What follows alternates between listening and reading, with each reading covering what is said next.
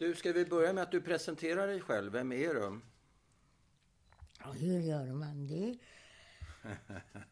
Att jag heter Gabriella Cassius och jag är född 1922, 22 i 12, massa år. Och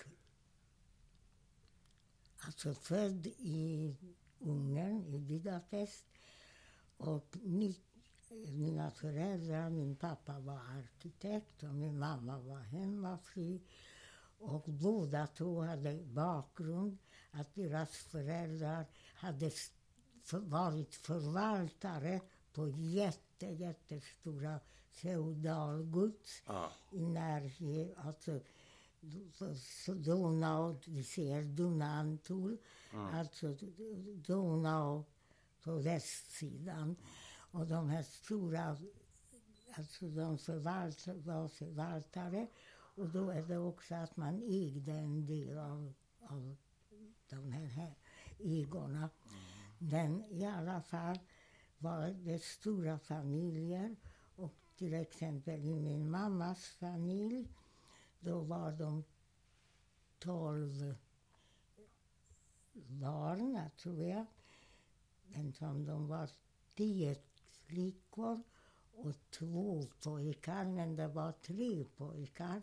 Men en tog livet av sig i Amerika för han gjorde så stora skulder Ja, att han inte kunde betala Oj. dem och vågade inte stå Alltså en bror till din mamma? Ja, men de andra två, de, de var naturligtvis i livet och var jätte, jättestiliga. Ja, Och okej. den ena gifte sig i Miss Europa. Oj, Ja, Miss Europa, det nej, eller du? Miss, ja, någonting var hon för hela världen. Aha. Och ja, då hade jag också, de hade ett barn. Och den var den näst yngsta kusinen. Så vi umgicks Ja. jättemycket.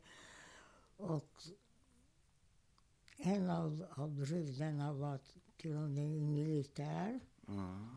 Och den andra kommer jag inte ihåg vad han var. Men i alla fall, de var jättestiliga och jättelånga. Och systrarna då? Och systrarna, de var alltså tio stycken.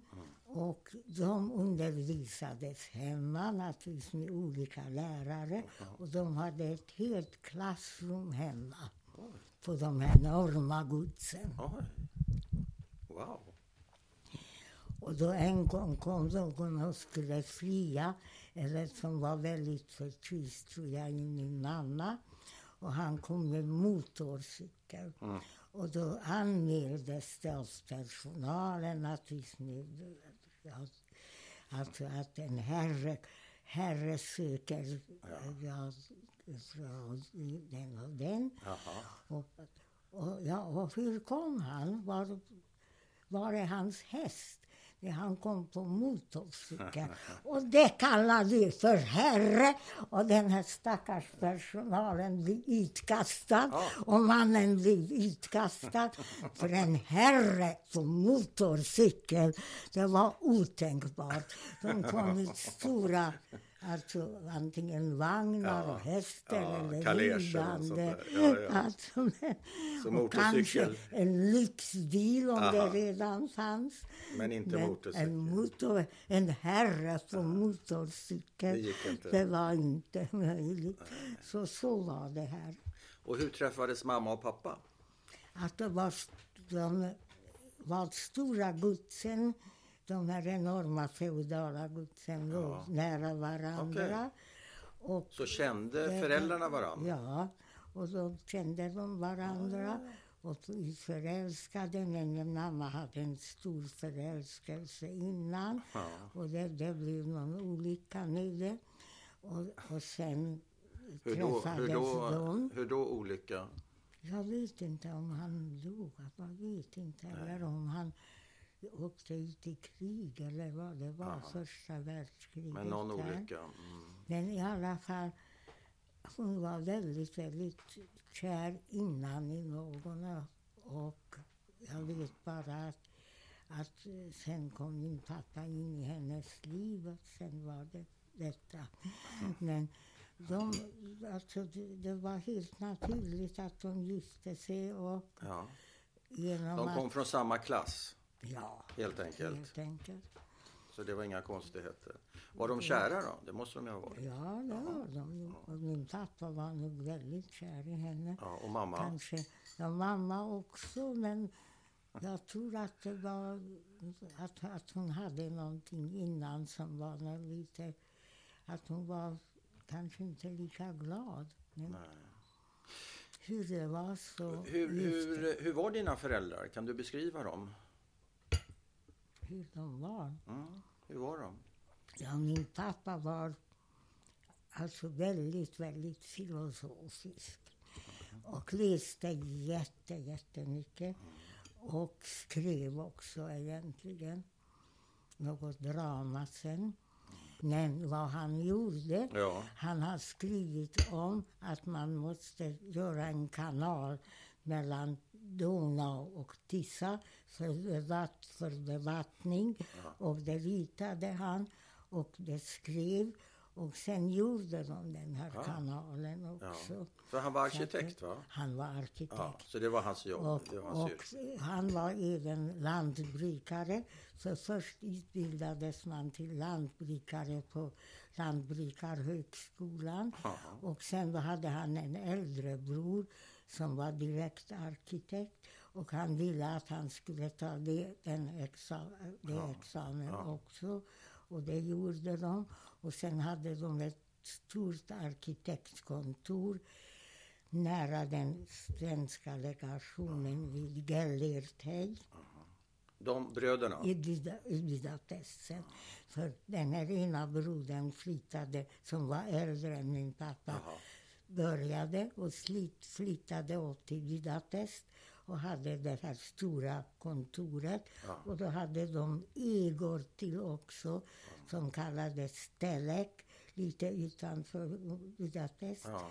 Och där kunde de tillverka saker och hade alla sina arbetare Ja. och byggde arbetarbostäder för dem. Jättefina villor egentligen. Aha. Och alla hade det jättebra och de var oerhört sociala. Var han radikal, pappa? Politiskt radikal? Han var, kan man säga, mycket liberal. Liberal? Mm. Och ja, hon, han hade soppkök och allt möjligt. Och massa sängar i olika, vad heter det, alltså sjukhus, du vet. Vad sa du i massa? Att man kunde köpa en gratis säng Ja. i olika sjukhus för människor som inte hade råd. Man sponsrar en säng alltså? Ja, Oj. Och det som gjorde de han, var pappa? rika. Ja, Och vad, vad, vad hette pappa? Margalit Ödem. Han De heter Margalit. Det är efternamnet. Ja, och Och sen i förnamn? Edmund Ödem. Edmund. Ja, Ödem. Ödem. Och mamma, vad heter hon? Hon heter Värmers Margit. Och Värmers är också... Det är flicknamnet det, alltså? Den är det, det efternamnet. Och Margit Mancineni kallades han av, hon av alla. Ja. Och var jätte, hade alltid till tepartys och Ja. spelade, spelade bridge jätte, jättebra. så att okej. de spelade kort. Så det gör inget. Ja. Så hon, hon var social, mamma? Mamma var social? Alltså pappa var, kan man säga, väldigt... Alltså han, han gjorde allting för de här arbetarna som han hade. Och hade soppkök som jag Ja, säger när det behövdes efter första världskriget där. Och hade de här olika sängarna på olika. Men så fort det var ett barn eller någon av någon anställd, för de hade ju flera arbetare naturligtvis, och då hade man alltid sett till att det kom läkare och att de fick bästa vården. Eh, hade du syskon också? Nej, Du är enda barnet. enda barnet. Då blev du det bortskämd. Blev du också- bortskämd? Ja då. Ja Men det då. har också en historia Jaha. att min pappa ville ju hemskt gärna ha en son. Jaha. Och när de väntade nej så skulle det naturligtvis han inbilla sig att det måste bli en son. Ja. För den här andra brodern hade två döttrar Okej. och kunde inte få flera barn. Nej. Och då skulle all, det, liksom namnet ärvas Ja. och allt det där var Ja. så viktigt. Och det skulle absolut bli en son som övertog firman och ja, allt. Och köpte en stor briljantring till min mamma då. Och den skulle, alltså då, min mamma föddes på en ett sanatorium, min farsor. Och de ringde hem. Han gick hemma och vankade och, och hyrde en igår. Och då ringde de att det föddes ett barn som allting gick jätte, jättebra. Och det är en liten flicka.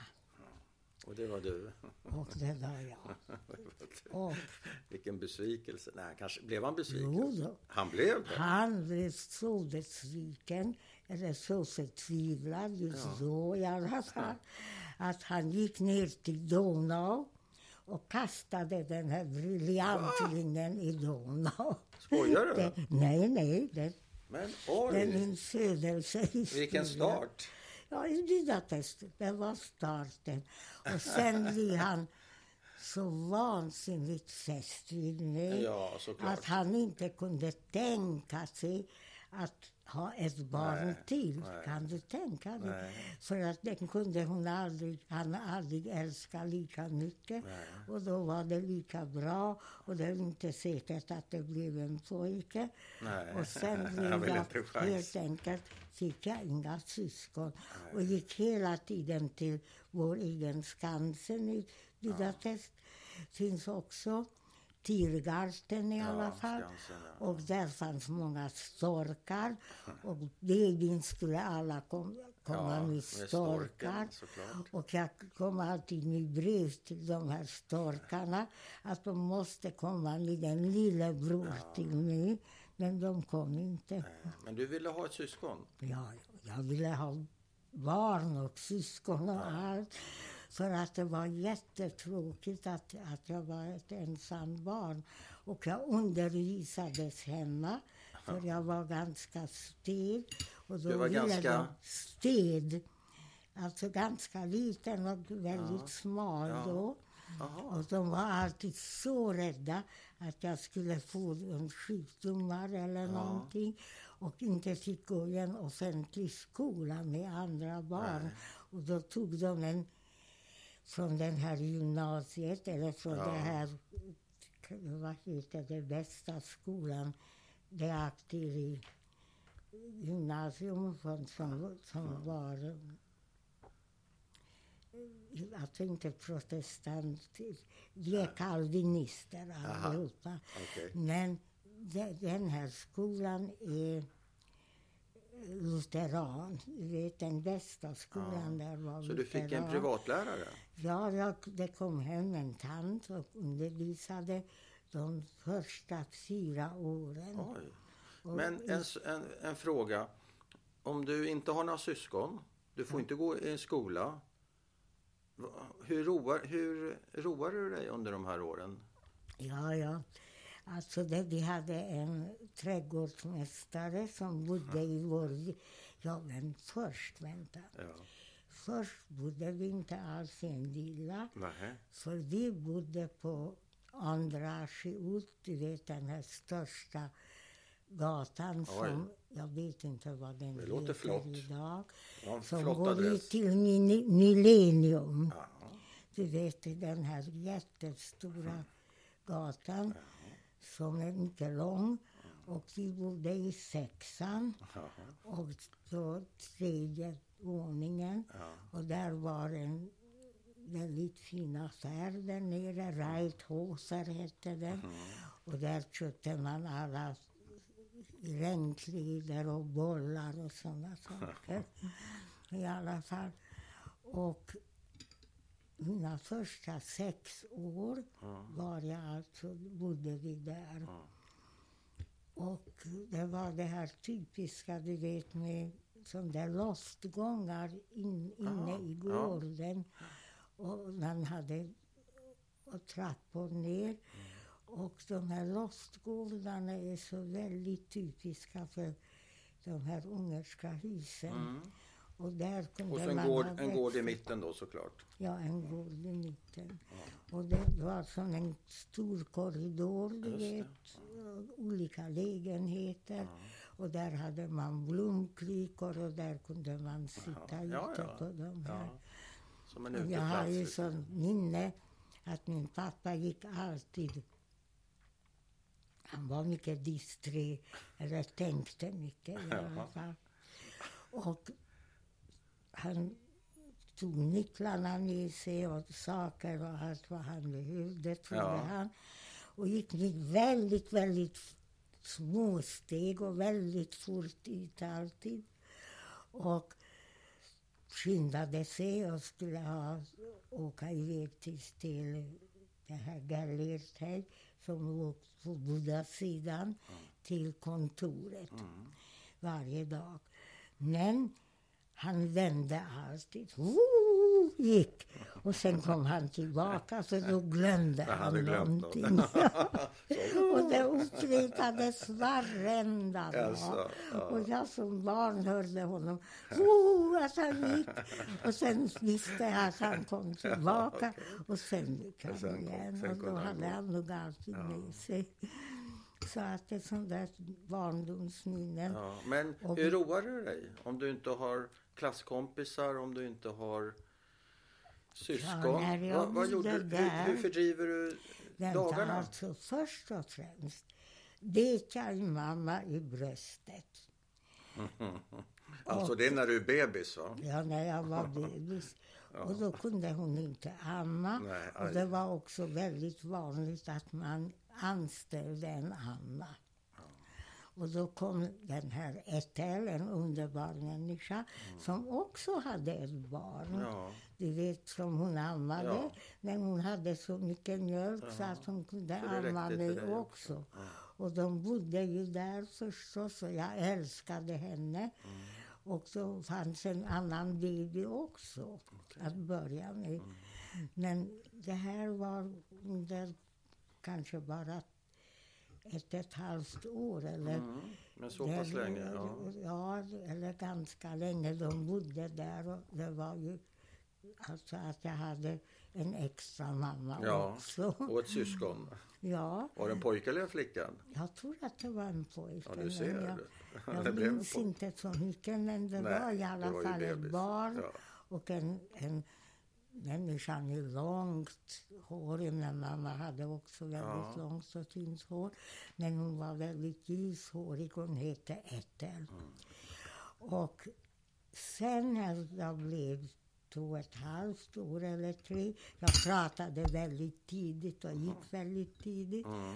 Och sen då kom det naturligtvis, som i alla familjer, från Graz, från Tyskland. Man hade alltid tyska eh, jungfrur, alltså som bara var vid barnen. Alltså de gjorde ingenting i Nej. hushållet. För det fanns en köksa i köket Ja. och det fanns en Men det var en barnflicka städerska alltså. Men hette hon von Gratz? Eller något- Graz. Men hade hon inget förnamn? Nej, naturligtvis hade hon hette Anna. Men man Anna. sa inte hennes förnamn? Jo då, Ja, det gjorde du. Anna, okej. Anna ja. Jaha. Hur var hon då? Helt underbart. Det Också? var ju ett många, många år hos oss. Och även när mina föräldrar dog kom hon och, och, och var bredvid mig. Så att, När dina var- föräldrar dog så kom hon som ett stöd ja. till dig? Ja. det- jag åkte till Budapest då härifrån och, varit, och kom så sent för min mamma eller jag kom sista minuten i alla fall. Och min mamma dog och jag var då i lägenheten för att jag inte skulle vara ensam. Då kom hon och bodde med mig där några dagar i alla fall, eller någon vecka. Men ska du, skulle du säga att du hade en lycklig barndom? Ja, det kan jag verkligen säga. Och då sen, när jag blev sex år, Ja. då flyttade vi till villan som min pappa byggde. Mm. Till Pasharet, eller Budagenge. Och det är också en väldigt fint område. Vilket, år, var vilket år är det här? Jag var sex år. Det är alltså 1928 då, någonting sådär. Ja. Mm. Då flyttade vi till den här villan. Men vilken stil är villan? Är det funkis redan eller är det något mera traditionellt? Minns du? Gud, att vi inte har en bild. Ja, det skulle man vilja ha. Den Det är med var, brutet tak. ja, det var, hur ska jag säga, först där nere, Ja. det var en fantastisk terrass Ja. med klängrosor Oj. och trappa upp Ja. till terrassen. Jaha. Så där kunde man också gå ut. Sen- var det andra ingångar Ja. Och man kunde åka bil och in i, i trädgården. Ja. Men sen var i filrum där nere från den här terrassen Ja.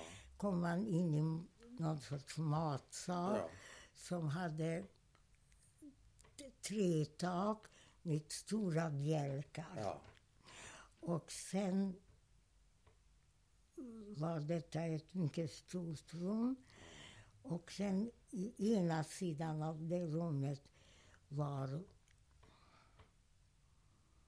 tror jag, herrrummet Jaha. med de här röda plyschmöblerna Ja, och sådana saker. Och, och där var herrarna som diskuterade Ja, och mest. rökte cigarr och Och ja, drack konjak och, Och sen fanns ett annat rum på andra sidan. Och det var nere, det var damrummet, dam. salongen. Aha. Och där spelade man bridge. Och där, det var verkligen herrsida och damsida lite. Och sen bakom detta gick det så. Då var det något rum eller vad det var. Mhm. Men sen kom nytt rum. Där nere? Du hade Där ditt rum nere, där nere? Fortfarande Ja. efter den här så kallade Ja, salongen. det. och den gick åt andra sidan av trädgården. Och där var något stort, per, inte persikon, men aprikosträd. Men hade barnflickan ett eget rum? Det var den här tanten som var, alltså hon var inte så där jätteung. Den här Anna Bodde hon bodde hon Hon bodde, hon bodde hos oss. Men hon bodde, sen, sen gick en trappa upp Ja. också. Och, det- Och bodde hon där uppe? Vänta, alltså det fanns en liten trappa och där fanns köket. Ja. Och bredvid köket bodde personalen i sina Ja, rum. Okej. Och jag tror att den här Anna kanske, om hon bodde ibland i mitt rum. Ja. Och sen senare bodde hon jag där uppe. Så där uppe, sen gick man upp och då var det en lång, lång balkong. Mm. Och taket gick så över. Mm. Och där fanns flera rum. Och dit kom alltid den här familjen från Wien Mhm. och bodde där uppe. Och mamma och pappa, var bodde de? Ja, Vad hade de sitt sovrum? var, ja, de hade väl antagligen sitt sovrum bakom den här salongen. Och sen hade jag mitt rum. Okej, så ni sov på samma plan? Ja, vi var det.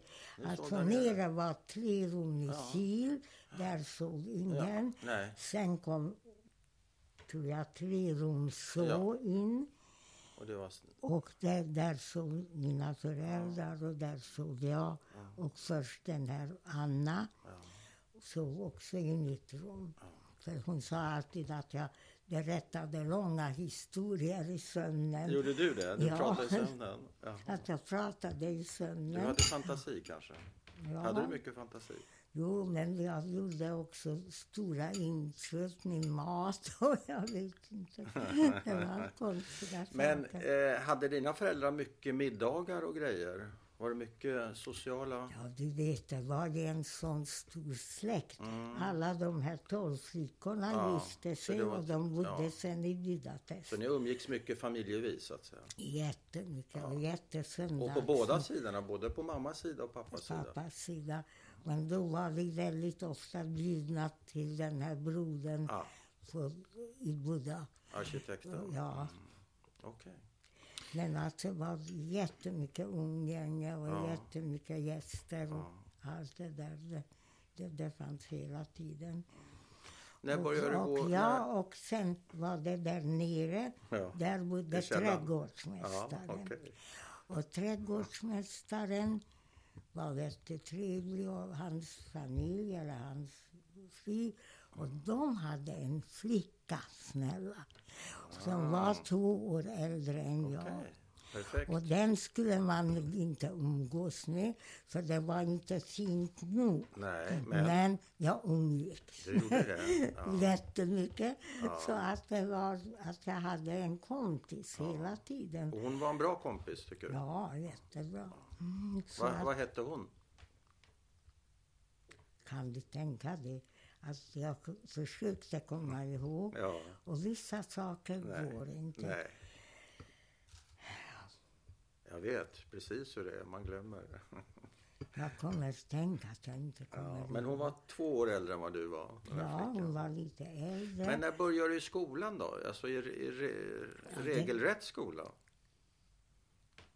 Nej, alltså de kom, det kom hem den här tanten första från den här Ja. fina skolan Ja. och undervisade mig och det var inget problem. Nej, det förstår jag. Men när, Men- när började du gå till skolan?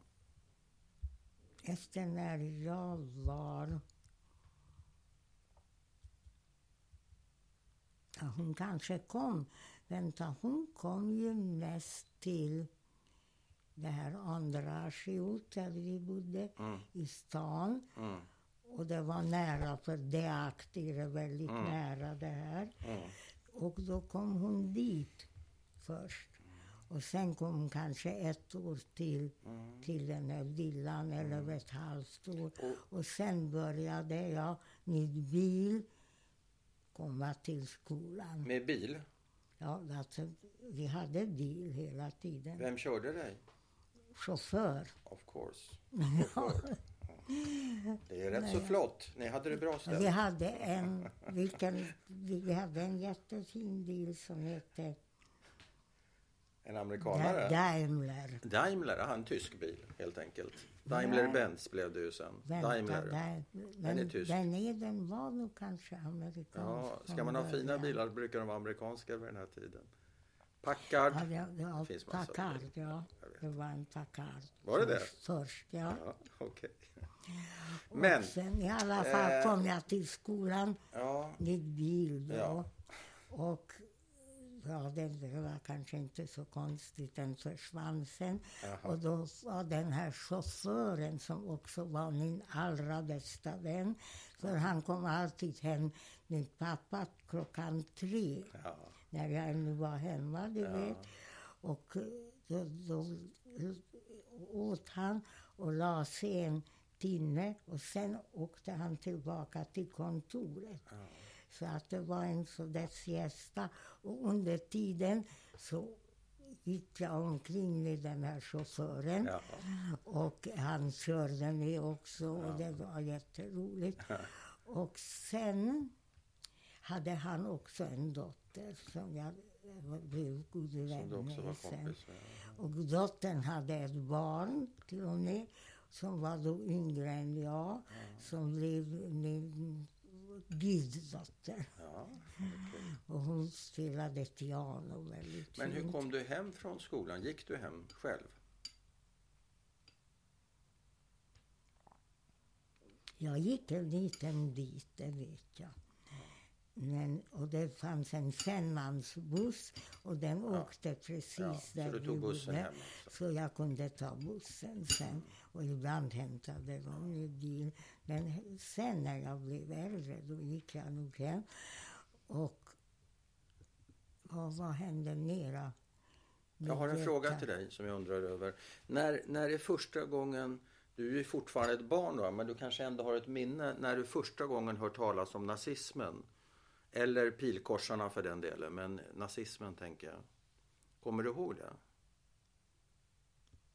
Det är självklart att det blev så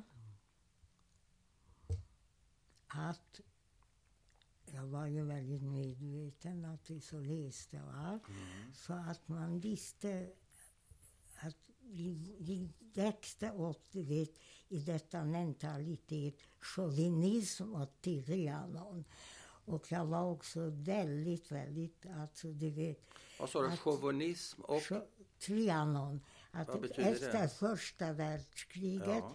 styckades i Ungern. Ja. Och Ungern var en geografisk och helhet Ja. också med massa, kan man säga, tyskar som bodde en del, Mm. slovaker i nuvarande Slovenien som var helt Ungern.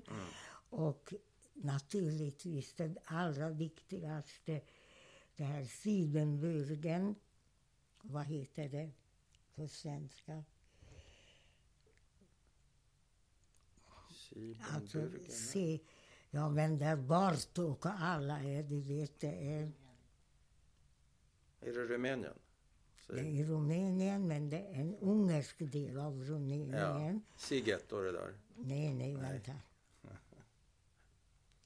Transylvanien. Ja, så heter det. Transylvanien. Transylvanien, Ja, ja, ja, Det, ja. det är viktigaste. Men jag förstår det inte, du sa ungerska. att ni växte upp i en mentalitet av chauvinism och Ja, vad? att detta måste tillbaka. Ah. Att det måste även- tillbaka. även Denna enhet Ja. fick aldrig rubbas. Alltså kejsardömet.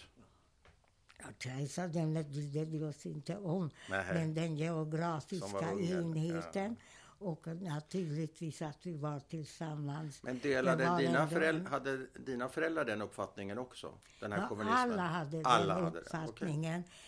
Alltså, du vet, jag är född i kommunen. 22 var kommunism i Ungern. Eller just upphörde kanske kommunismen. Och kommunismen betydde att det mycket rika judiska pojkar som revolterade mot sina föräldrar verkligen var socialister. Och de accepterade detta, alltså att, att Ungern blev styckad. Och, och det var alltså verkligen en kommunistisk regim då. Det var, den var röda. Men alltså inte mina föräldrar Nej. och så. Men man måste ta det lugnt för att inte visa att man inte är det. Och sen den här Horthy, du vet som sen blev vår statsöverhuvud.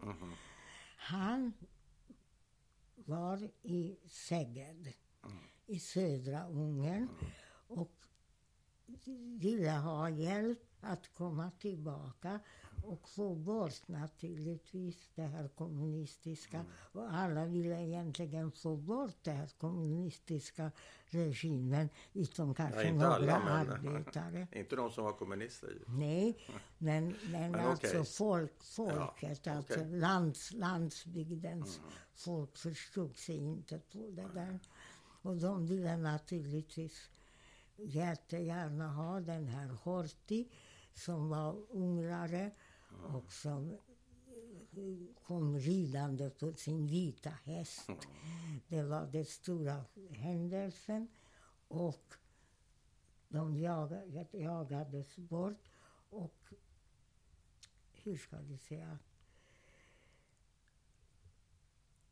Alltså Polen och Frankrike hade också en pakt, du vet. Att de skulle försvara varandra. Och så började första världskriget. Och det är det man var så medveten om. Att Tyskland var också drabbad av det här Trianon naturligtvis och blev eh, skyldigt pengar och, och var i en Ja, väldigt förnedrat och dålig allting. Ja, situation. Och man tyckte väldigt synd om Tyskland Mm. då. Och då visste man att de fick den här fyren. Då var han inte fyre, men att det var någon som skulle försöka bryta det här Trianonavtalet mm och inte betala krigsskulder mm och försöka skaffa Lebensraum. Det var det stora, du vet, för Tyskland mm. som också förlorade delar. Och de gjorde en pakt med Italien. Mm. Och det var då tre axelmakter. Mm. Det, och det var Tyskland, Italien och Ungern mm. egentligen. För att det var så emot det här första världskrigets mm. konsekvenser för de här länderna. Mm. Och när man började höra om nazismen, det var naturligtvis inte som nazism direkt, Nej. men att det fanns Hitler. Mm. Och Hitler försökte bryta det här Trianonavtalet mm. och inte betala de här fruktansvärda krigsskulder som förstörde Tyskland. Och genom också att jag hade den här tyska Anna hos oss. Hon, hon var ju väldigt medveten om den ja. tyska situationen och berättade. Och det var vi alla, även de som bodde i Wien. Ja. Man kan säga att du växte upp i en protysk miljö, kan man säga så? Ja, han var väldigt ungersk. Ja, ja. ändå. Ungersk men ändå sym sympatiserade med de här tidiga strävandena, eller? Ja, alltså att man, man förstod ja, att, man att Hitler skulle hjälpa ja. sitt folk ja. naturligtvis att komma på fötter. De var fattiga och de hade dåliga vägar och allt. Och började nu vägbyggen och började på ett ganska normalt sätt. Ja. Men ja, han, gans, ville, han ganska. ville komma och han målade och Jaha. han ville komma in i konstakademin. Ja, ja. Och det Wien. nekades ja, honom. Och det är då han blev nazist egentligen. Okay. För att han blev så arg och att han tyckte att det tyska folket måste försvara sig mot allt det här utländska inflytandet. För det var på Konstakademin var det inte bara tyskar men fransmän. Det, det, är en rätt så kraftig överreaktion. Ja, att sätta kommer... en värld i brand för att ja. man inte kommer in på en utbildning. Ja, men han, han blev alltså väldigt hatisk då på något sätt och, och uh, politiskt aktiv. Det är då han blir politisk aktiv. När är första gången du hört talas om de här fascistiska pilkorsarna som ju var ungrare? Den ungerska rörelsen? Ja, men det kom mycket senare. Det är långt senare? senare. Det var nazismen och det var Det, det är långt, långt senare. Okay. Och alltså mina minnen är mera att vi var tillsammans i de här axelmakterna. Ja, ja. Men Ungern var ändå en mycket självständig egen del. Ja. Och vi hade 15 mars, du mm. vet, som är vår nationaldag. Aha. Och då hade vi alltid de här ungerska folkdräkter ja, allihopa. Ja. Och marscherade ut och, och sjöng sånger. Och ville egentligen ha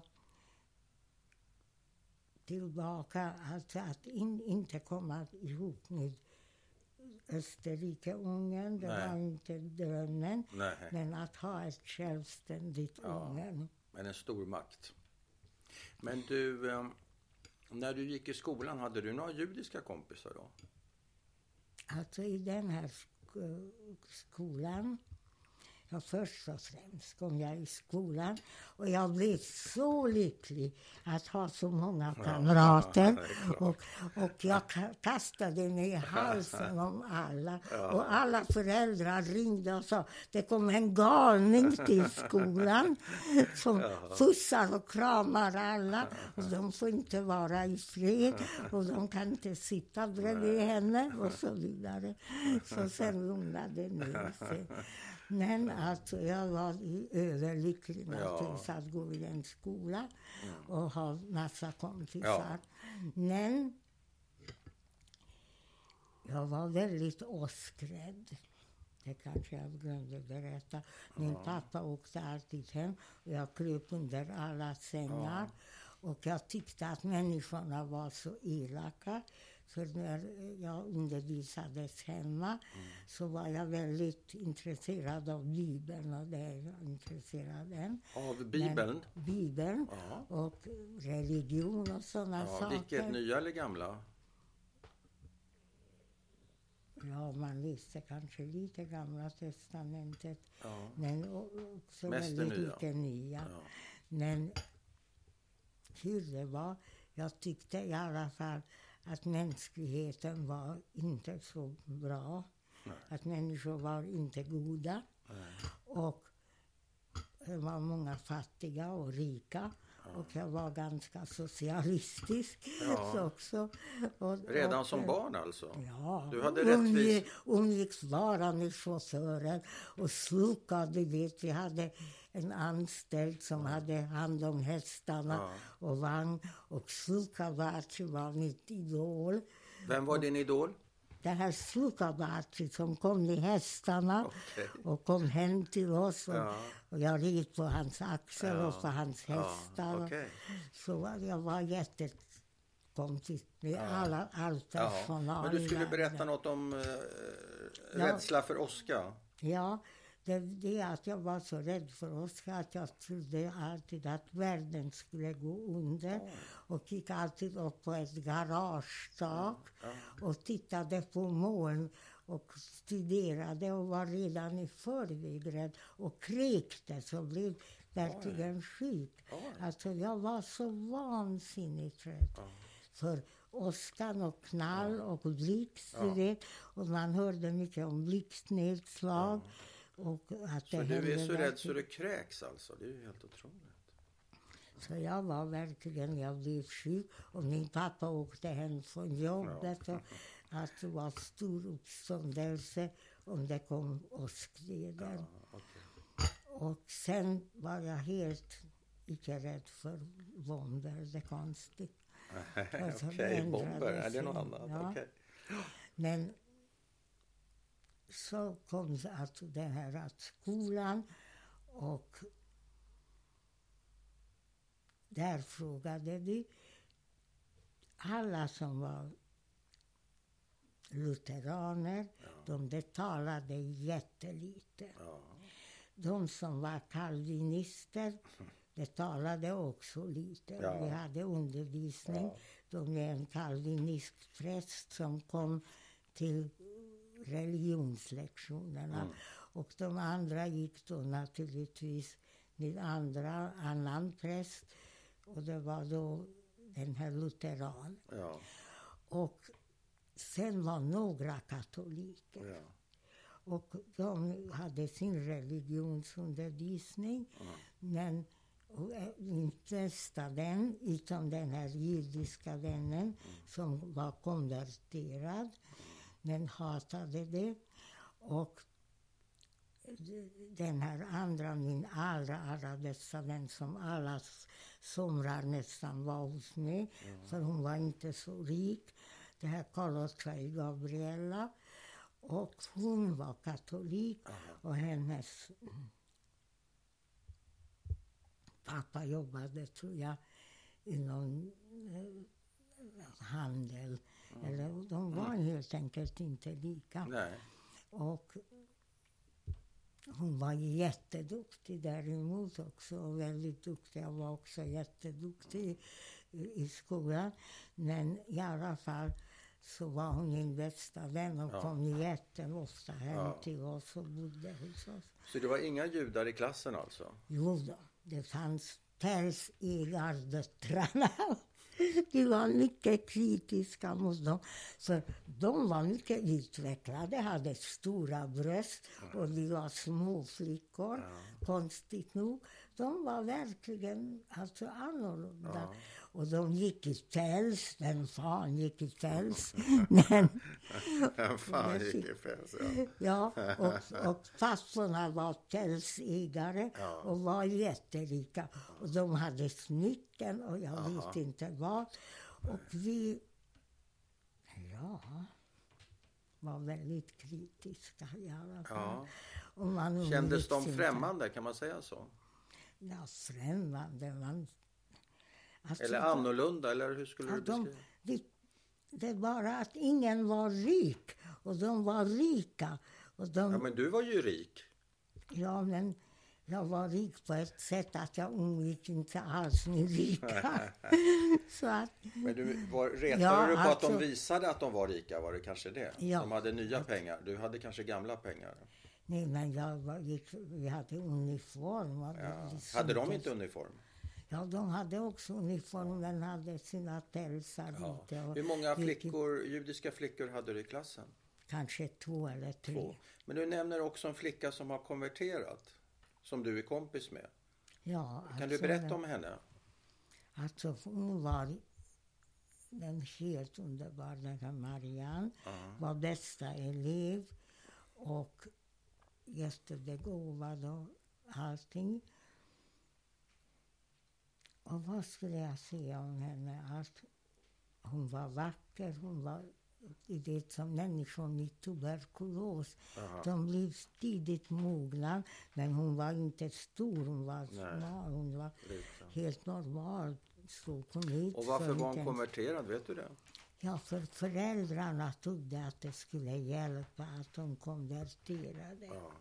Så de var vet- också konverterade. Alltså som ett skydd mot vad? Mot, mot nazismen redan? Ja. Eller? Vilket år är det här då? När de konverterade, Ja. det var ganska sent tyvärr. De konverterar ganska sent. Ganska, kanske 30-talet någon gång. Det är många som Men du säger också att hon eh, tyckte inte om att hon var konverterad. Uppfattar jag det rätt? Nej, alltså hon, att, att man gör det för för att man tror att det är någon fördel. En fördel, ja. Ja, så att hon, Hon hade tyckte en helt annan... Hon var inte religiös på det sättet Nej. överhuvudtaget. Nej. Alltså. Men hon var väldigt filosofisk. Och, du vet, så att det, det, det gick henne emot. Så hon tyckte inte om det. Och sen när hon blev så sjuk, näst då, hon sa att det var Guds straff. Du vet, så att hon upplevde det som hemskt, det här sjukdomen. Vad hände kom. med... Va, vad sa du att hon hette? Jag uppfattar inte riktigt hennes namn. Vad var hennes förnamn? Hon hette Marianne Marianne, ja. och hon... Vad hade hon för efternamn? Ja, det måste jag... Miklós. Och Miklos. det var också ett ungerskt namn, Ja, det så det. märktes inte. Hade de bytt efternamn kanske? Ja, det, det De kanske tror hette jag. någonting annat från Ja, början. det kanske de redan konverterade, alltså 30, någon gång på Ja. 30-talet. Men vad hände med din kompis och hennes föräldrar? Vet du det? Om jag vet. Alltså, min kompis dog, så det hände ingenting. Alltså av sin, sin tuberkulos helt enkelt? Ja, så att det var Okej. precis när vi tog studenten. Ja. Då låg hon på sjukhus redan. Hon var så mager och det var hemskt. Och vi gick och besökte henne naturligtvis så fort vi skrev, skrev studentskrivningen. Ja, han gick och besökte. Och ja, det var en hemsk historia. Ja. Och Så hon dör vad då? 18-19 år gammal? Något sånt där? ja, 18 år Ja. var hon. Och, och sen var hennes föräldrar, hennes pappa jobbade på en affär som Svanströms, men var också på en filial. Ja, som kontors... och, ja, eh, kontors och pappershandel. Och mamman var pianist av Guds nåde. Oj! Och pianolärare. Ja. Och först de hade normal ekonomi. Ja. Som, men inga absolut inte rika försörjde sig. Att mamman gav pianolektioner och pappan jobbade i den här affären. Och hon hade ingenting med pälsdöttrarna att göra. Pälsdöttrarna att göra? Nej, okej. Och vad hände med, med föräldrarna då? Med föräldrarna hände att när jag jobbade sen uppe hos Wallenberg då försökte jag rädda dem med någon skjutspass. Ja. Och då var Wallenberg ännu så strikt att han sa att om man inte hade bevisbart de här släktingar eller affärsförbindelser som var bra för ungen också. Ja. Och då kunde man inte få skjutspass. För det kontrollerades av tyskarna Ja. och det var en viss antal. Och om det gick inflation i det, Ja, ja. som det gick i Röda korset Aha. skyddsbrev, du vet, då skulle de inte ta hänsyn Nej. till det. Så vad hände då? Så därför kunde jag inte få, kan du tänka dig. Jag gick in och, och bad så att jag kunde sk- sk- skicka telegram till mina släktingar Ja. att de godtog eh, henne och bjöd henne Ja. ut för hon var pianist och Aha. så vidare. Och sa att de var på något vis släkt, Ja. men det var de ju inte. Nej, nej. Och han sa att vi kan inte. Vi kan inte, vi måste, vi måste. Så tänk att jag kunde inte hjälpa dem. Och de, de kom till, till läger och ja, Mm. Du vet inte var, du vet inte när. men det visste man inte som, som jag inte kunde åstadkomma ett, ett skyddspass åt dem, du vet. Nej. Och det var, jag såg besviken då på även Wallenberg Ja. en enda gång. Det var den gången, gången ja. Raoul Som han, Wallenberg. men han sa flera gånger, när vi började jobba där, Ja. några flickor som volontärer för att stämpla de här skyddspassen. Ja. Satt du och stämplade sådana pass alltså? Ja. Ja, Eller fotografera när de var godkända. Och, och han tog emot ansökan. Det är det vi gjorde. Att vi tog ut de som sökte. Som de kom också, de här föräldrarna. De kom till och med med den här pianistens mamma hade de. Hon var en gammal kvinna. Ja. Och vad jag vet om... De, jag fick aldrig veta vad Nej, som... du vet Men vad som alltså hände. att de kom till de här godsvagnarna och kom till Bergen-Belsen eller till Ja. någon av dem. För inte klarade sig inte. Jag tror inte att de klarade sig, som jag aldrig har hört. Ingen har hört av dem Nej. mera. De försvann. De försvann. De fann sig i det här att ingen skjutspass, att jag inte kunde åstadkomma det. Och sen kom de inte ner. Träffade du då dem personligen när de var uppe? Hade- alla kom upp. Alla, alla kom upp? Hur många kom? De kom Hur många kom på en ringlandes från Ja. test. Från testsidan Jaha. kunde man Från se att komma alltså? över bron. Du Oj. vet, det är en bro. Ja. Och sen går man upp på Gällersberget Jaha. till den här legationen Okej. och också där kontoret av min pappa var. Ja. Och den här. Så det var en lång kö av människor som... Från Budapest Ja. över till bron, över på berget. Och det varje dag kom de. Och, och Men hur många hann ni ens en gång ta emot ansökningar från per dag? ja, de kom inte till Ni var flera som tog emot eller? Det är flera som tog emot det självklart. Och vi satt där. Men de kom, ja de kom tio stycken in Mm. och de tog man emot till ett annat bord och ett annat bord. Vi satt där flickor. Men kunde du svenska? Ja, jag, jag läste ju på universitetet Okej. germanistik Ja. och hade den fantastiska professor Tineman. Mhm. Det hör också till historien. Mm. Och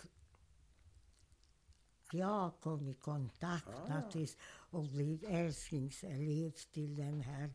Och han min älskling Langley. Ja. Jag vet inte om ni har Nej. hört. Herregud. Det är en historia för sig. Du vet den här Valdemar Langley var Svenska Röda Korsets utsänd eller var lektor på universitetet, undervisade svenska och hade vissa elever. Och sen hade han var representant för Svenska Röda Korset och han, han var gift med en ryska som hette Nina Langley naturligtvis som hon var. Men hon hade ett ryskt efternamn förut. Men som gift hette- hon Nina Langley. Och, och hon var en fantastisk människa också som hjälpte jättemånga. Och de kom på den här idén. Han hade massa judiska elever, den här Langley. Och han ville absolut hjälpa och kom på den idén att göra skyddsbrev med Röda Korset, du vet och sätta ut på dörrar för att de inte ska kunna hämta människor, Nej. att det var en skyddad lägenhet. Och det var i början, innan Wallenberg kom. Mhm. Och det gjordes, du vet... Jag vet inte. Det sägs att det gjordes också att man kunde betala och få de här Ja, ja. skyddsbreven. Men inte till honom, inte till Langley och inte i hans lägenhet. Men, kanske det- någon annan som gjorde business. Ja, ja. Och tyvärr var Så det, det så att det gick någon sorts inflation i de här skyddsbreven. Och det var så tragiskt. Och då när Wallenberg kom, då träffade han direkt Langley. Ja. Och det var 44 i april. Hon Men hur, hur gick det till när du började jobba på den svenska legationen? Blev du anställd där eller var det ideellt arbete? helt i det. Helt ideellt. Och hur gick det till? Ja, men det var så att 44 var då tyskarna inte nöjda. Eller i alla fall 43 kanske var de inte nöjda heller. Nej. Men i alla fall, plötsligt ockuperade tyskarna Ungern. Ja. För man gjorde ändå i Ungern lite grann som man ville. Ja, och ingen ville vara med i den tyska armén. Nej. Så det var väldigt många pojkar som vägrade militärtjänst. Och man lämnade inte in bilar som man skulle lämna in. Och vi saboterade nog tyskarna ganska skönt. Ja. Ett bra tag. Alltså med just de här sakerna Mm. som gällde kriget. Men alltså då, 44, blev det helt enkelt, kom tyskar inmarscherade Ja. och tog alla pojkar till militären och tog alla bilar som de kom åt och lägenheter också av vad som helst. Och eh, alltså vi blev verkligen indragna i andra världskriget väldigt, väldigt mycket. Mm. Ni var ockuperade helt enkelt. Ja, det, vi upplevde det som nästan en tysk ockupation. Och vad hände då? Jo, frågan var hur du Vänta, hamnade det då, på... det då, då såg de till att judarna på landsbygden Ja, verkligen skulle med godsvagnar ja, först. Ja, man samlar ihop. De sa ja. Och landsbygden rensades, Mm. kan man säga, i stort sett. några kunde fly till Budapest. Och Budapest var fortfarande inte så berörd. Nej. Men i Budapest och i Wien var samma sak, tror jag. Att i alla, alla familjer, utan undantag, fanns någon, några generationer tillbaka som naturligtvis var judisk. Jaha. För att folk gifte sig Ja. och det, det spelade ingen roll. Nej. Och i 1800-talet var det så liberalt så Mm. att judarna var inte heller särskilt judiska. Nej, så att det, var, det, var, det spelade helt enkelt inte roll. Så ingen pratade om detta ens. Men alltså då kom de här Nürnberglagarna 100 procent till Ungern också. Det fanns redan tidigare. Men, men att, att det genomfördes så att alla skulle då legitimera sig fyra generationer tillbaka. Och då skulle även jag, som inte ens visste att jag hade en sån bakgrund egentligen, men min pappa hade vapen, var, var ring med vapen och allt och var först inte berörd alls. Nej. Men så småningom skulle han blivit berörd. Och det är så att på 1700-talet under Maria Theresia blev den här Margalit som ägde ganska stora gods, var inte förvaltare, men ägde gods. Och han i alla fall blev adlad för att han hjälpte Maria Theresia i kriget. Och då och han, han var ungrare och det var ingenting med honom. Men han förälskade sig i en oerhört rik judisk flicka som hette Lövi. Och de hade gods bredvid. Jaha. Och du vet, de förälskade sig i varandra. Och de ville absolut gifta sig. Och det gick inte att gifta sig in i en judisk släkt, du vet, som var verkligen mycket judisk och höll på sin religion för utan att konvertera till judendomen. Så de accepterade inte din förfader? Nej. För att han inte var jude? Ja, men de accepterade honom för han var rik och Ja, väldigt men- trevlig. men han var inte Men jude. han måste konvertera. Okej, ja. Och han var dödsförälskad Jaha. och ville också bli rikare än han var, Jaha. naturligtvis.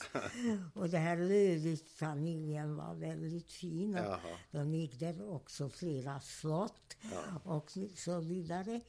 Så att de, han gifte sig och de blev judar. Han konverterade till Ja. judendomen? Ja, Men vad har allt det här att göra med Nürnberglagarna? Du ska, du ska förklara varför du tar jobb där på legationen. Vad har den här historien med Nürnberglagarna att göra? Det förstår jag inte. det har jättemycket med Nürnberglagarna att berätta. göra. Att det började bli numerus clausus på universitetet. Ja, begränsat Och, att, antal och judar som de tittade på oss också. Och mamma har inte en sån historia. Nej. De bara konverterade på 1800-talet, som många andra. De var också kristna, väldigt många. Men däremot döttrarna gifte sig ibland med judiska män. Så att vår, Okej, så fanns från en- mammas fanns- sida ja. var det lite blandat Ja, så det var problematik både med mamma och pappa. Ja. Är det Ja, därför med du börjar... Pappa var det egentligen inte för att han skaffade sig alla de här papperna. Ariska Att det var, papper? ja, med, med, Men då fick han förfalska dem då? Ja, inte direkt förfalska. Inte för direkt. att det var ändå... Jag vet inte om de konverterade sen tillbaka också alla. Men är det, är det på grund av den, din familjehistoria som du söker dig till Svenska legationen eller vad? Absolut inte. Jag, jag vet inte. De ordnade upp de här papperna att jag räknades som kanske halvjide Ja. och då kunde man ändå gå på universitetet. Ja.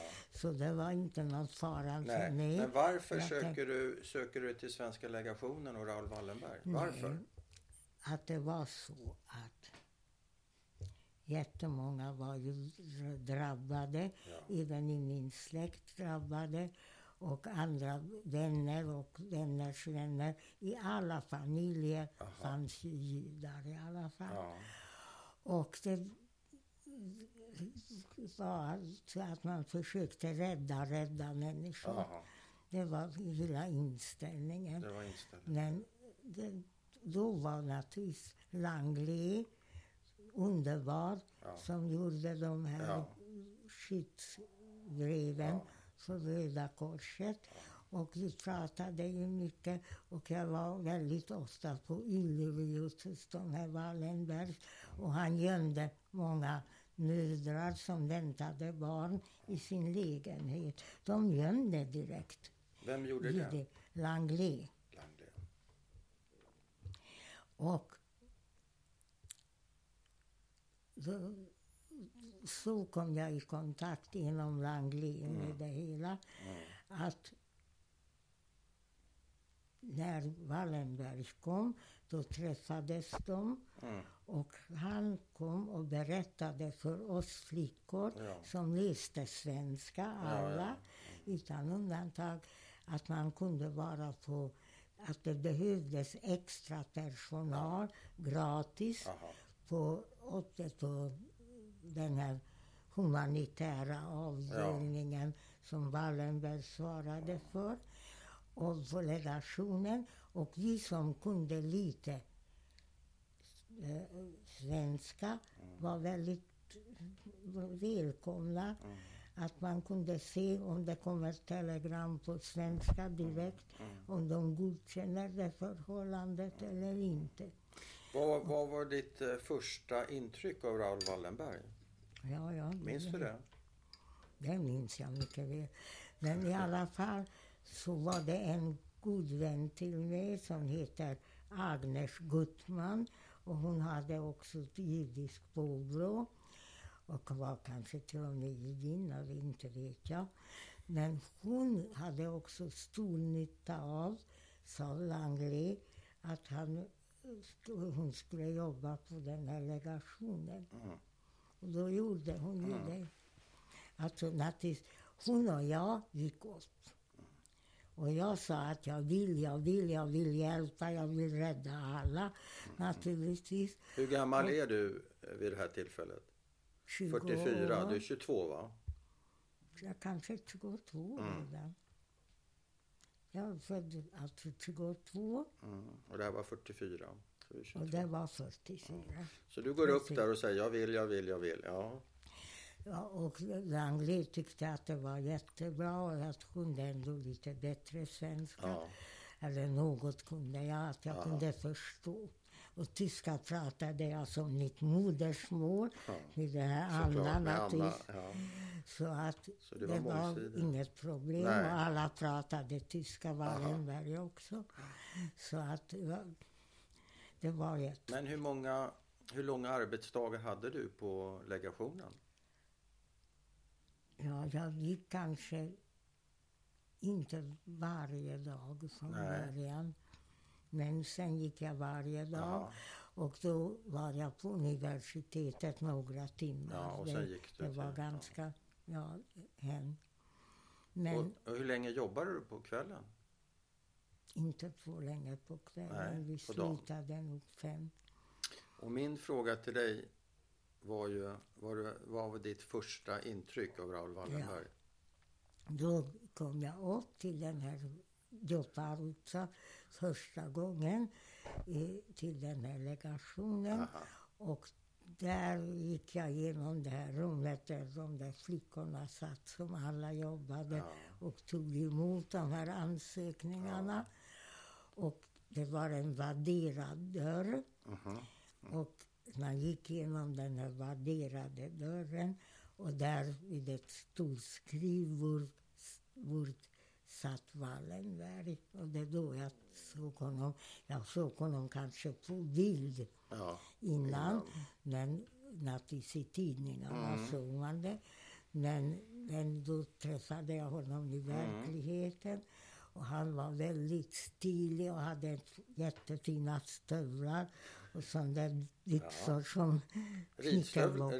ridstövlar eller nej? Ja, men höga stövlar. Ja, höga hade stövlar han. alltså. Ja, ändå då var han väldigt elegant. Men vad är det för en årstid? Är det vinter eller vad? Det kan inte ha varit sommar va? Man sitter med höga stövlar. Nej, men det var, du vet, han kom i april var ganska, Ja. och det var ganska snart efter. Så han var snyggt klädd, tyckte Han du? var väldigt snyggt klädd naturligtvis.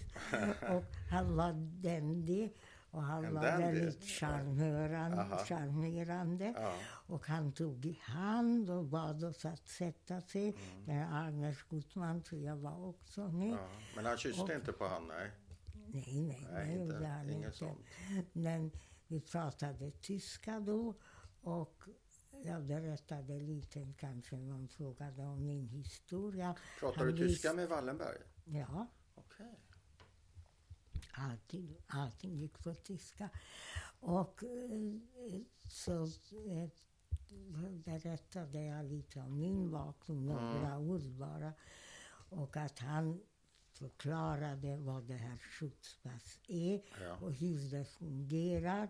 Att man ansöker om släktförhållandet, att man ger adresserna i Sverige och vi kan telegra vi ska inte telegrafera, men vi ska samla in det här, ansökningarna och gå in med alla de här. Eller eventuellt, jag vet inte, jag tror inte att vi telegraferade Nej. Det gjorde de sen. För att de såg först vilka som sökte Aha. och sen skulle de verifiera detta på något sätt. Mhm. Alltså att få tillbaka, och det fick vi också tillbaka sen, att vissa godtog inte det här förhållandet. Vissa godtog inte att, att de hade så nära Aha. affärsförbindelser och många godtog det.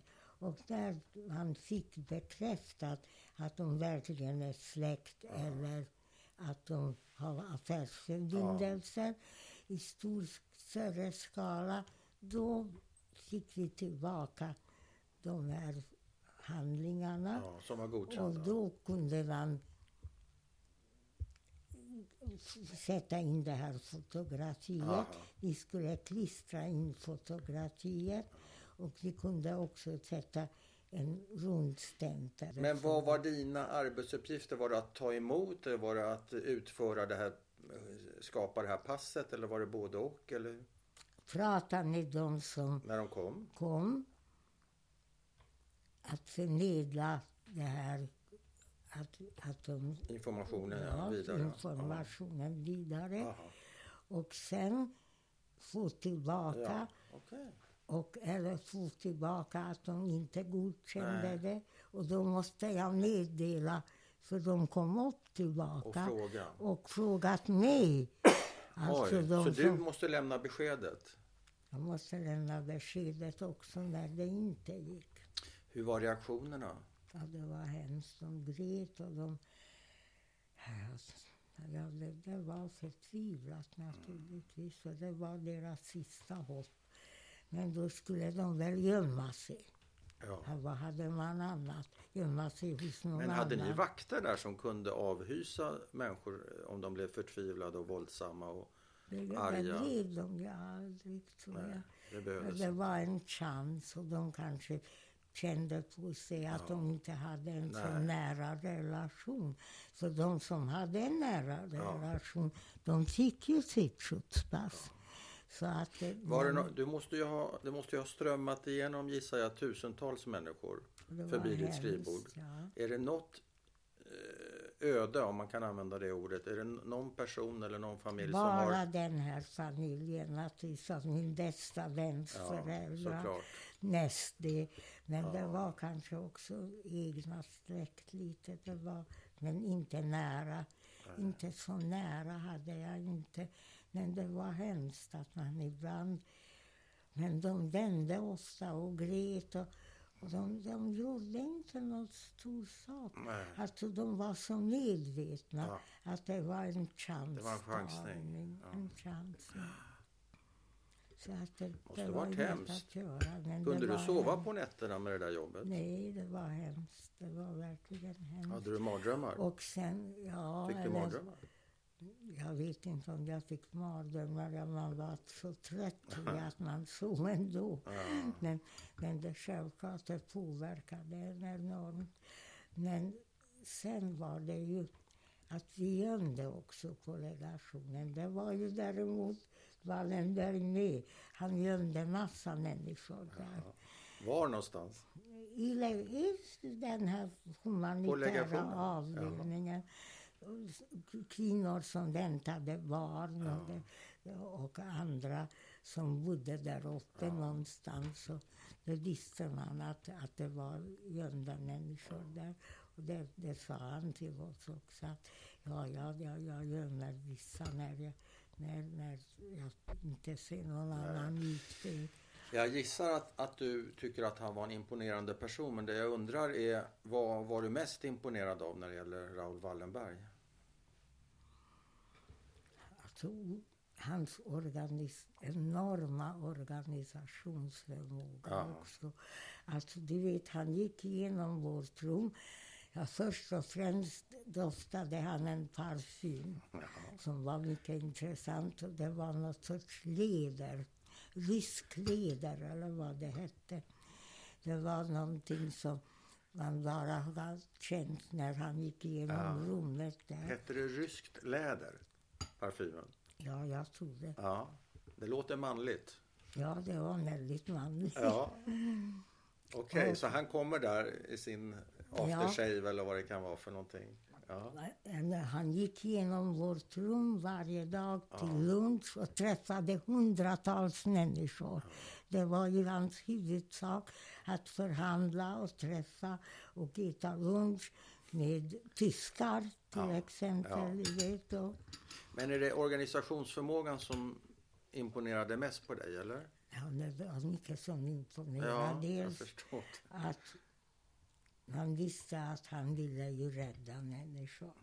Och sen att han verkligen han var så engagerad och snabb och alltid...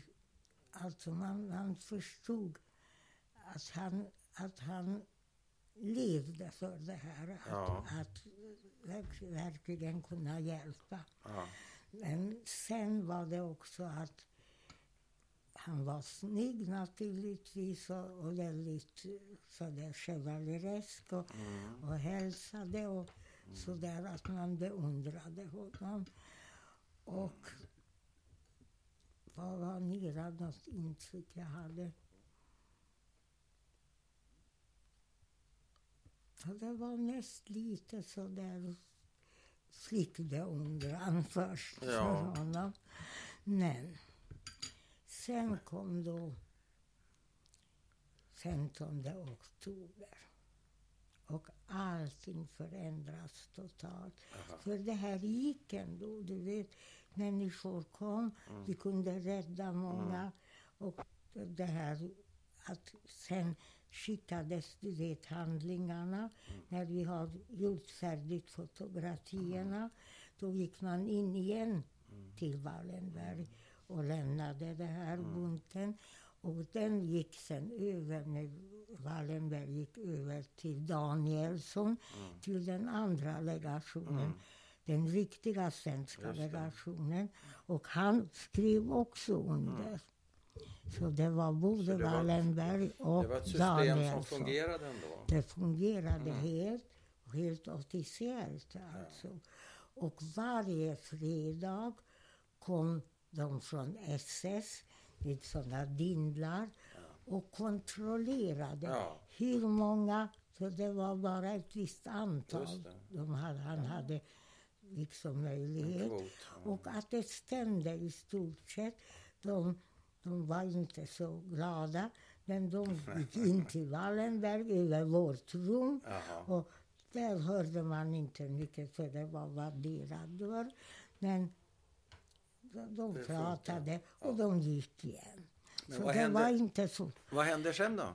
Ni kommer 15 oktober. Mm. 1944.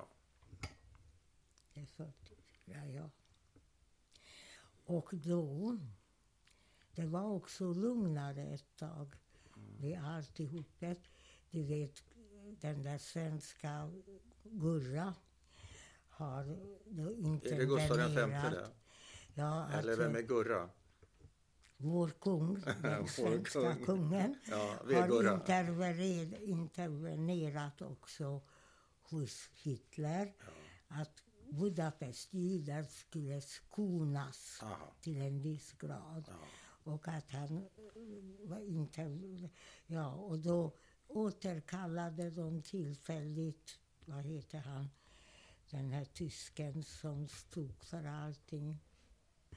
Och då var det ganska lugnt i Budapest. inte Eichmann du tänker på? Eichmann. Det var Eichmann som hela tiden åt Ja, ja. lunch med Wallenberg. Och, sen var borta ett tag. Och då var Såg det du Eichmann någon gång? Det vet jag inte. Nej. Jag tror inte. Nej. Han kom nog inte till legationen. Nej. De åt lunch någonstans ute.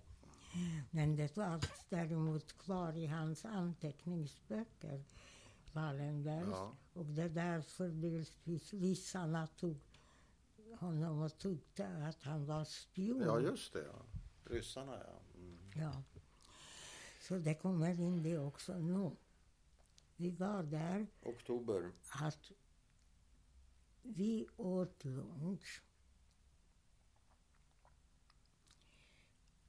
nedanför borgen på Logodiutsa hos en kusin.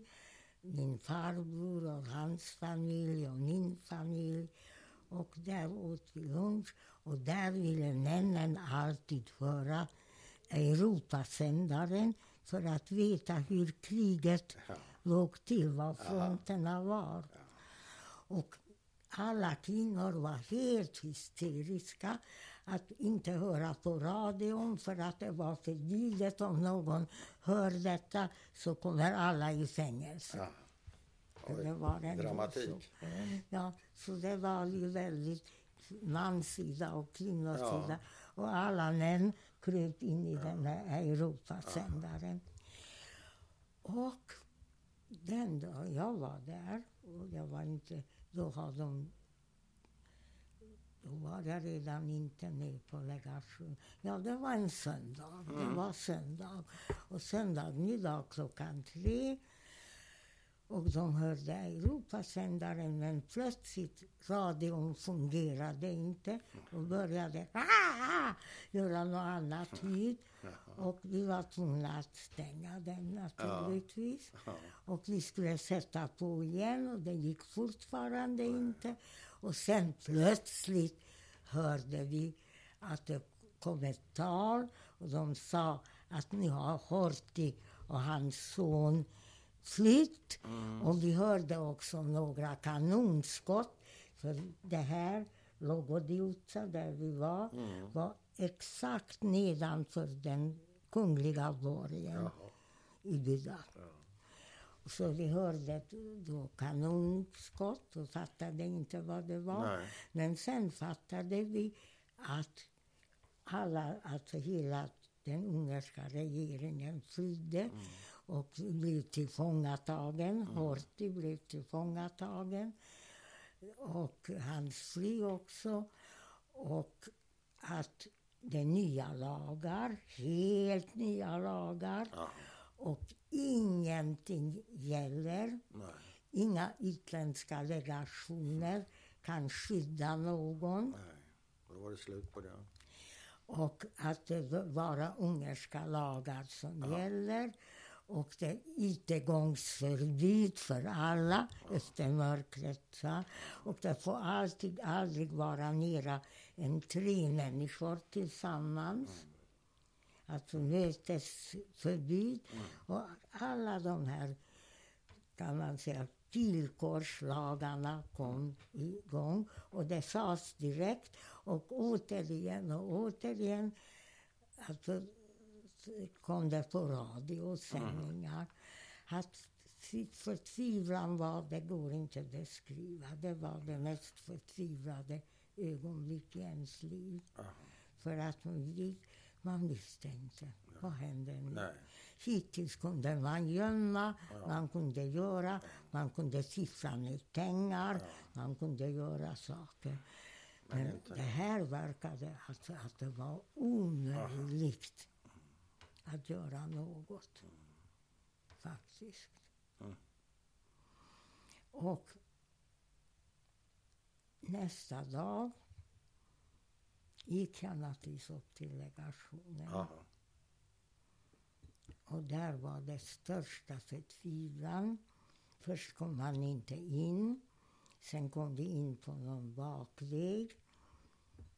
Och Wallenberg fanns inte just då, Nej. jag vet. De har stulit hans bil Oj. också under natten. Så han Så det var kaos alltså? total kaos. Ja. Och de här människorna som skulle komma och Ja. fortfarande be om sina skyddspass. De kom inte, ingen vågade. Det var utegångsförbud Ja. av något slag. Så ingen vågade gå ut. Det var något hemskt. Ja. Sen kom ju ändå Wallenberg. Han har inte sovit, han var orakad. Och han ville låna en kvinnocykel och ändå se, ja, snälla, varför jag beundrade honom, jag sa organisation, Ja. att han skaffade ju all medicin och han skaffade all mat och allting. Du vet, han kunde ju det här som sitt yrke också. Och organiserade de svenska husen Mm. vid Donaukajen. Ja. Och där bodde väldigt många judar, Aha. eller sådana hade judisk bakgrund Ja. och försökte få att de hör till legationen. Ja. Och det utverkade han Ja, det något lyckades sätt. han.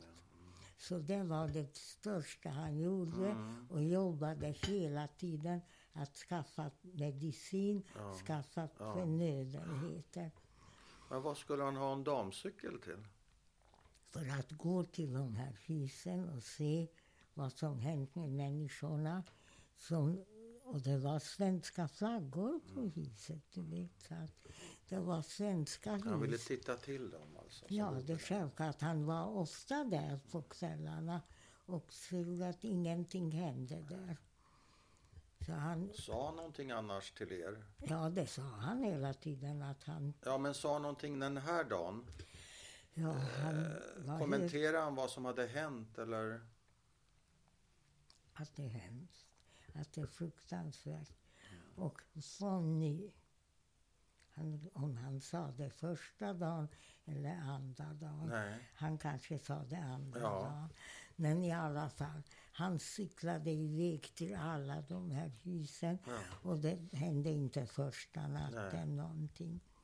Och sen fortsatte han med detta att på sin kvinnocykel cykla iväg varje natt och försökte, försökte besticka med cigaretter, med dollar, med konjak, med vad du vill. Men i- de här gendarmer som skulle gå in och hämta och dränka i Donau, de här människorna. Eller ta dem till tågen som åkte iväg till, till de här, ja, till, först till Hägershalom och sen vidare till förintningsläger. Så att det var någonting hemskt situation. Men kanske en dag senare gick vi fortfarande dit. Ja. Och man kunde naturligtvis inget göra, men vi väntade att Wallenberg ändå ge något order. Vad, vad ska vi flickor Ja, göra där? vi göra? Och då sa han följande. Det här är ett regim som inte följer några lagar och inte håller sina ord heller. Så ni kan vi inte... Tyskarna, de kunde man förhandla med. Det här går inte. Ni gör ju också, vi gör vad vi kan.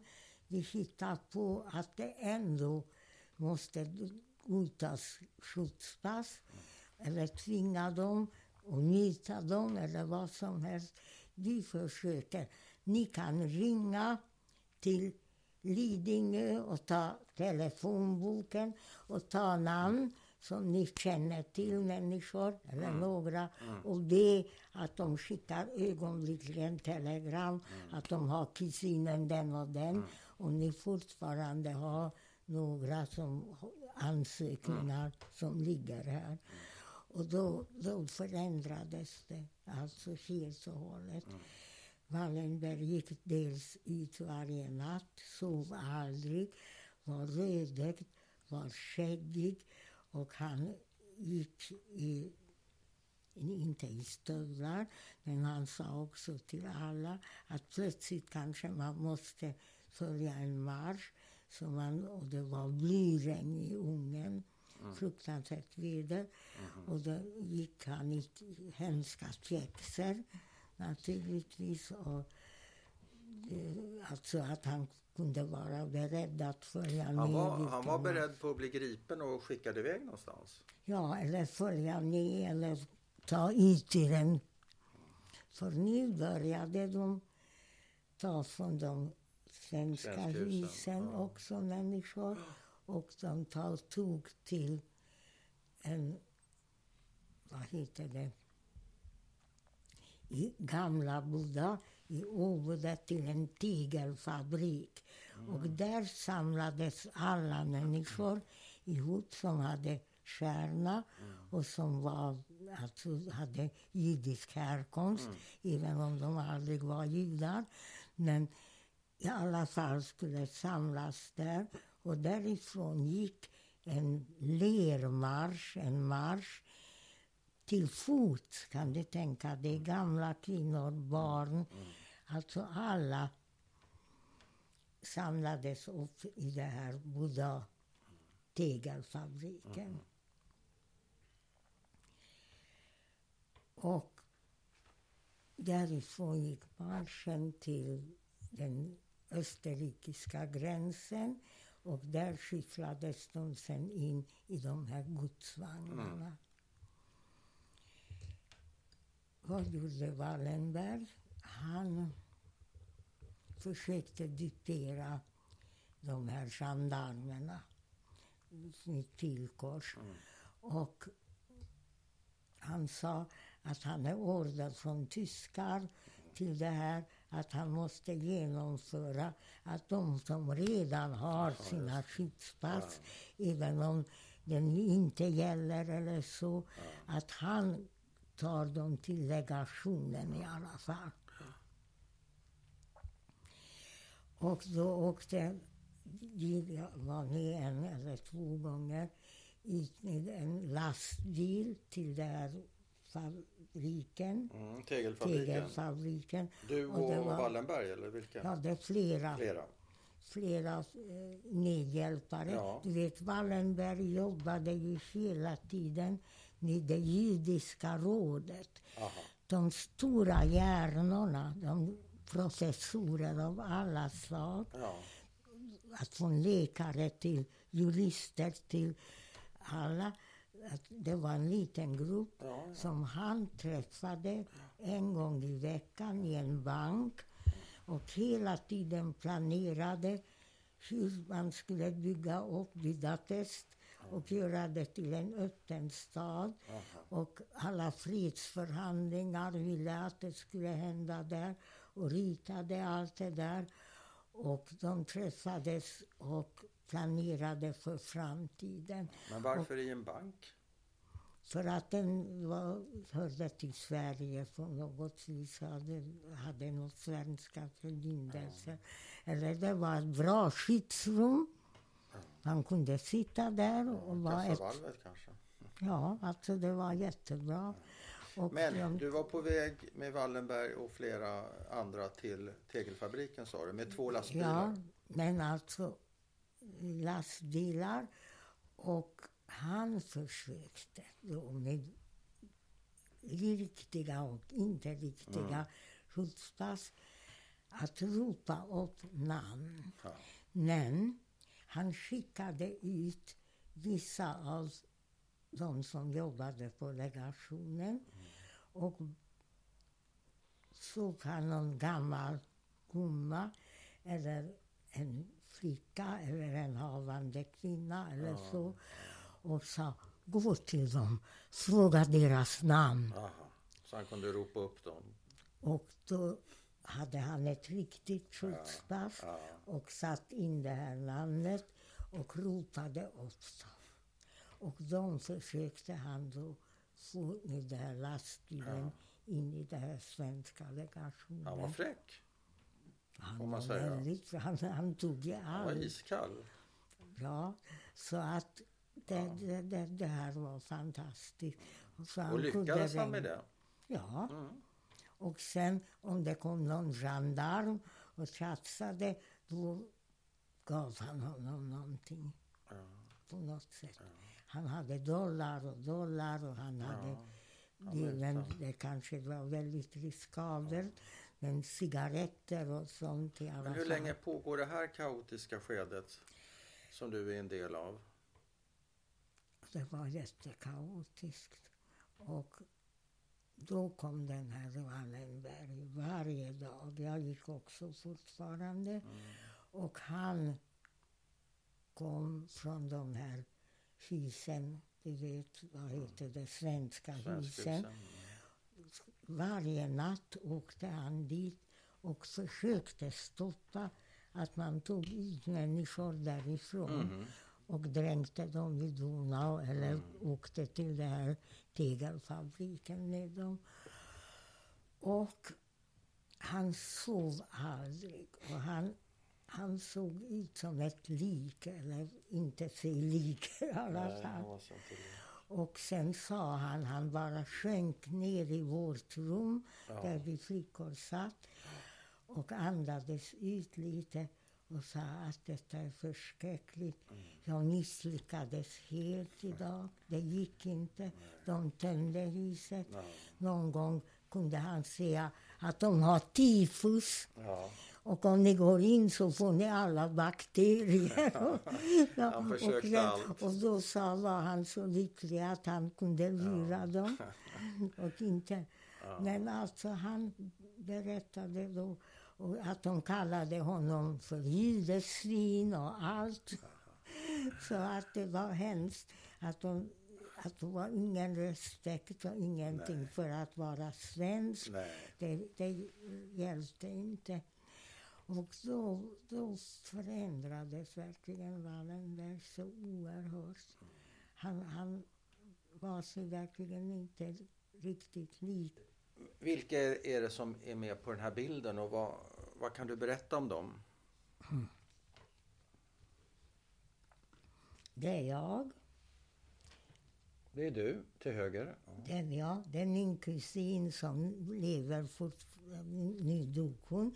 Men som levde i Wien och som var gift med en högt satt eh, militär Aha. och klarade sig då Ja. i, i, i Wien. Och det är hennes syster som inte klarade sig och kom med sina föräldrar och bodde hos oss. Och det är i vår trädgård Aha. under ett paraply. Och, vi satt där ännu och då var ingen. Sen gick jag och den här kusinen, den, Mm. så hon var hon åkte tillbaka till Ja, ja. Wien. Det var inte någon dålig tid ännu. Nej. Jag var bara, tror jag, 16 år. Men sen tog hon ju livet av sig. Varför? För att hon trodde att då var det redan den här Sarashi-regimen. Ja. Alltså då, att, att de skulle även ta dem. Och varför skulle de ta henne? Ja men herregud, hon har ju också judiskt påbrå. Hon hade judiskt påbrå. Och, och hon hon, blev lämnad, hon Ja. blev lämnad av sin nazistiska fästman. Han var nazist, fästmannen. Ja, Och han, läm han lämnade henne på grund av att hon hade någon judisk i släkten. Ja, men det måste han. Ingen fick vara och tillsammans. hur gammal är hon på den här bilden? Ja, vet inte. Om jag var 16 eller någonting, Ja. 17. Ja, hon, hon var, alltså hon är äldre än, än hon, Ja. tror jag. Var Men eh, vart, alla fall. vart tar hon livet av sig någonstans? De bodde hos oss i villan. Ja. Och Men var, var någonstans? ja, det fanns så många rum. De bodde där uppe. Eh, vänta ett tag. Eh, Där uppe sa jag till dig att man gick upp Ja. och det var en stor terrass och det var Ja, tre, fyra ja. rum för men gäster. vet du hur hon tog livet av sig? Ja, men hon var läkare och hade mm, sömnmedel. Och pappan var läkare och hade alla medel. De Men var hon läkare redan där? Ja, hon var, skulle göra Eller sin skulle hon studera läkarkarriär. kanske? Nej, alltså inte här. Nej. För det var innan. Men när det här hände så var hon läkare. Ja. Så hon, hon, tar, hon tar tabletter av något slag. Ja, Förgiftar sig. Hon somnade. Ja, och, vaknade. och vad hände med föräldrarna Hem- sen då? Men snälla, det var hos oss i vår villa. Jag gick och promenerade med henne samma dag. Ja, Och hon befarade att de inte kan klara sig. nej. Och att denna som hela tiden hjälpte att hålla kontakt med den systern och hennes barn försvann också. Och hon var kär i honom och hon var så ängslig att, att han, de tvingade honom Ja. att säga var de bodde. Aha, att han, hon skulle bli angiven. Ja. Alltså hon var livrädd att de skulle hitta dem. Och att de också skulle komma till någon läger. Och hon skulle vägra sätta på sig någon stjärna och någonting. Och hon var ju djupt troende katolik. Ja. Men trots detta och, papp, och skrev hon ett brev till pappan och mamman att var snälla och kom. Jag är rädd att när jag skriver det så tar jag den här medicinen. Ja. Så jag är död när ni läser det här. Och kom efter mig. Vi kommer nog till himlen. Men här kan vi inte överleva. Nej. Och min mamma visste om det där, att hon var död. Att hon skrev det här brevet till Ja. med. Men hon vaktade och satt med sin syster och systerns man hela natten. Är det hennes föräldrar alltså? Det är hennes föräldrar, Ja. hennes mamma och pappa. Ja, så hennes mamma var, var din mammas syster. Ni var Ja. kusiner helt enkelt? Ja. Ja. Okej, Ja. så hon sitter och vaktar på dem när de, när de har kommit till er då? Och Bara hände? den här natten Ja. när, när vi hittade henne ja. drev och död. Hon, hon, hon var död. Hon sov där. Så vad hände med föräldrarna då? När min mamma på något sätt, jag förstår inte hur, men hon måste gå på toaletten och, och hon var borta ett ögonblick och då tog han direkt det här pulvret och gav sin fru också. Ja. När han kom tillbaka så har de skrivit några rader. Det går inte att väcka oss. Nu sover vi och vi har det bra och vi kommer säkert till ett bättre liv än vi kunde ha här. Så hela familjen Ja, de, de, de dog. Tog livet av sig Och kollektivt. sen min mamma, det var så fruktansvärt för min Ja, det mamma. klart. naturligtvis. Det var hennes syster alltså? Ja. Och att vi var, vi var verkligen som en familj. Ja. Så det var Hemskt. också för mig naturligtvis det, det är en av de hemskaste upplevelserna. För då var jag också där. Så det, det var något hemskt. Det Vi- som hände alltså i familjen. ja. Vilket år kan det här ha varit, tror du?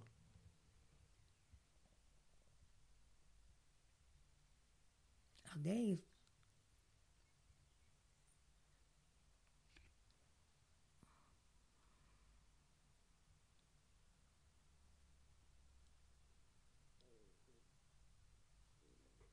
Är det 44 också? Det är så pass sent. Jag tror att det här självmordet kom Ja, sent. ja. Men antagligen. Men jag promenerade henne på dagen. Promenerade jag med Flickan, ja, din kusin. flickan. Men var det, det var inte samma dag som... Det måste vara dagen... Föräldrarna kom dagen efter, eller? Nej, nej. De bodde alla, alltid hos oss. I månader. Aha, de bodde De kom- redan. Ja, ja, de inte riktigt. bodde. De hade sin Oj, lägenhet så tre uppe. personer tar livet av sig samma dag hemma hos er? Herregud. Så var det. Så var det. Men jag bodde redan inte hemma då. Nej. Jag var bara på besök och gick med den här kusinen en Ja. lång promenad. Ja. Men alltså det var något hemskt. Det, det var kanske det hemskaste som jag på väldigt nära håll ja, såklart. hade. Och sen var det en annan kusin Ja. som verkligen togs från de här svenska husen Aha. och inte kunde räddas. Nej. Och hon, då var det en syster som gifte sig med en man som var jude.